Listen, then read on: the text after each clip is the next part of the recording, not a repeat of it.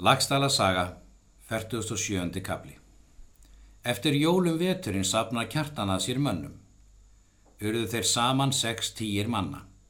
Ekki sagði kjartan föður sínum hversu afstóðst um ferð þessa. Spurðu Ólafur og líkt að. Kjartan hafði með sér tjöld og vistir. Rýður kjartan og leið sína þar til er hann kemur til lauga. Hann byður menn stíga baki og mælti að sumir skildu geima hesta þeirra en suma byður hann reysa tjöld. Í þann tíma var það mikil tíska að úti var salerni og eigi allt skamt frá bænum og svo var að laugum. Kjartan letar taka dýr allar á húsum og bannaði öllum mönnum útgöngu og dreytti þau inni þrjárnætur. Eftir það rýður kjartan heim í hjarðarholt og hver hans förunauta til síns heimilis. Ólafur lætur ítla yfir þessi ferð. Þorgerðu hvað eigi lasta þurfa og saði laugamenn til slíks gert hafa eða meiri svíverðingar. Þá mælti hrefna. Áttir þú kjartan við nokkur að menn tala laugum? Hann svarar. Lítið var bragða því. Segir hann að þeir bolli skiptust við nokkur um orðum. Þá mælti hrefna og brosti við. Það er mér sannlega sagt að því Guðrún muni hafa við talast svo hef ég spurt hversu hún var búin að hún hefði nú faldið sér við mótrinnum og semdi engar vel. Kjartan svarar og róðnaði mjög við. Var mönnum auðfint að hann reytist við er hún hafði þetta í fleimingi. Ekki bar mér það fyrir augu er þú segið frá hrefna, segir Kjartan. Myndi Guðrún ekki þurfa að falda sér mótri til þess að sama betur en allar konur aðrar. Þá hætti hrefna þessu tali. Þein laugamennum líkar illa og þóttu þetta miklu meiri svívirðing og verri en þótt kjartan hefði drepi mann eða tvo fyrir þeim. Voru þeir sínir ósvífurs óðastir á þetta mál en bolli svafði heldur. Guðrún talaði við hér fæstum en þó fundi menn það á orðum hennar að eigi væri vískort öðrun lagi meira rúm en henni. Gerist nú fullkominn fjandskapur millir laugamanna og hjarþildinga. Og er leið á veturinn fætti hrefna barn. Það var sveit og var nefndur ásker. Þórarinn búandi í tungu lýsir því að hann vildi selja tunguland. Var það bæða honum þurru lausafjö, enda þótt honum mjög vaksa þústur millir manna í héræðinu, en honum var kært við hvora tveggju. Bolli þóttist þurfa að kaupa sér staðfestu því að laugamenn höfðu fá lönd en fjölda fjár. Þau boll og guðrún riði í tunga ráðu ósýfurs. Þótti þeim í hönd falla að taka upp land þetta hjá sér sjálfum og bað ósýfur þau eigi láta smátt slíta. Síðan réðu þau þórarinn um kaup þetta, urðu ásatt hversu dýrt vera skildi og svo þaðir í móti skildi vera og var mælt til kaups með þeim botla. En því var kaupið eigi vottum bundið að eigi voru menn svo margir hjá að það þætti vera lögfullt. Ríða þau og guðrun heim eftir þetta. En er kjartan Ólason spyr þessi tíðindi rýðar hann þegar við tólta mann og kom í tungu snemma dags. Fagnar þórarinn honum vel og bauð honum þar að vera. Kjartan hvast heimundu rýðum kveldið en eiga þar dvöl nokkura. Þórarinn frétti aðum erindi. Kjartan svarar. Það er erindi mitt hinga að ræðum landkaup. Það nokkuð er þér og bolli hafi stopnað því að mér er það í móti skapi ef þú selur land þetta þeim bolla og guðrunu.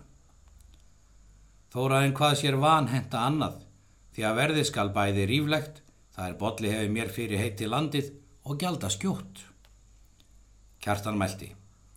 Ekki skal því í skada þó að bolli kaupa í landið því að ég mun kaupa því líku verði og ekki mun þér duga mjög í móti að mæla því sem ég vil vera láta. Því að það mun áfinnast að ég vil hér mestu ráða í hér að því og gera þó meir eftir annara manna skaplindi en laugamanna. Þórarinn svarar. Dýrt mun mér verða drottins orðum þetta mál. En það var í næst mínu skaplindi að kaup þetta væri kýrt sem við bolli höfum stopnað. Kjartan mælti. Ekki kalla ég það landkaupir eigi er vottum bundið. Ger nú annarkvort að þú handsala mér þegar landið að því líkum kostum sem þú hefur ásáttur orðið við aðra eða bú sjálfur á landið þínu ella. Þórarinn kaus að selja honu landið voru nú þegar vottar að þessu kaupi. Kjartan reið heim eftir landkaupið. Þetta spurðust um alla breyðafjörðardali, í sama kveld spurðist þetta til lauga. Þá mælti Guðrún. Svo virðist mér bolli, sem kjartan hafi þér gert tvo kosti nokkuru harðari en hann gerði þórarni. Að þú mynd láta verða hér að þetta með litlum sóma eða sína þig á einhverjum fundi ykkurum nokkuru óslæra en þú hefur fyrr verið. Bolli svarar engu og gekk þegar af þessu tali og var nú kýrt þar eftir var langaföstu. Hinn þriðja dag páskareið kjartan heima við annan mann. Fyldi honum án svarti. Þeir koma í tungum daginn. Kjartan vill að Þórarinn ríði með honu vestu til Sörbæjar að játa þar skuldarstöðum því að kjartan átti þar miklar fjárreiður. Þórarinn var ríðin á annan bæ.